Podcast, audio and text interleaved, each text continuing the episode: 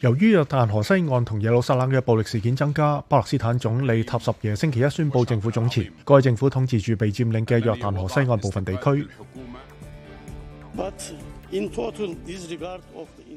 阿拉伯国家星期一呼吁国际法庭法官裁定以色列对巴勒斯坦领土嘅占领系非法。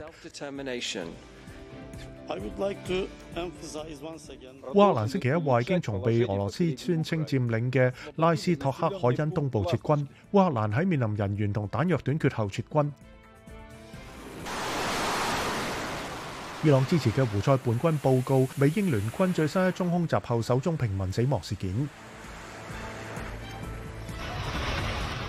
印度北方邦嘅抗议农民将拖拉机开上高速公路抗议，要求提高农作物价格。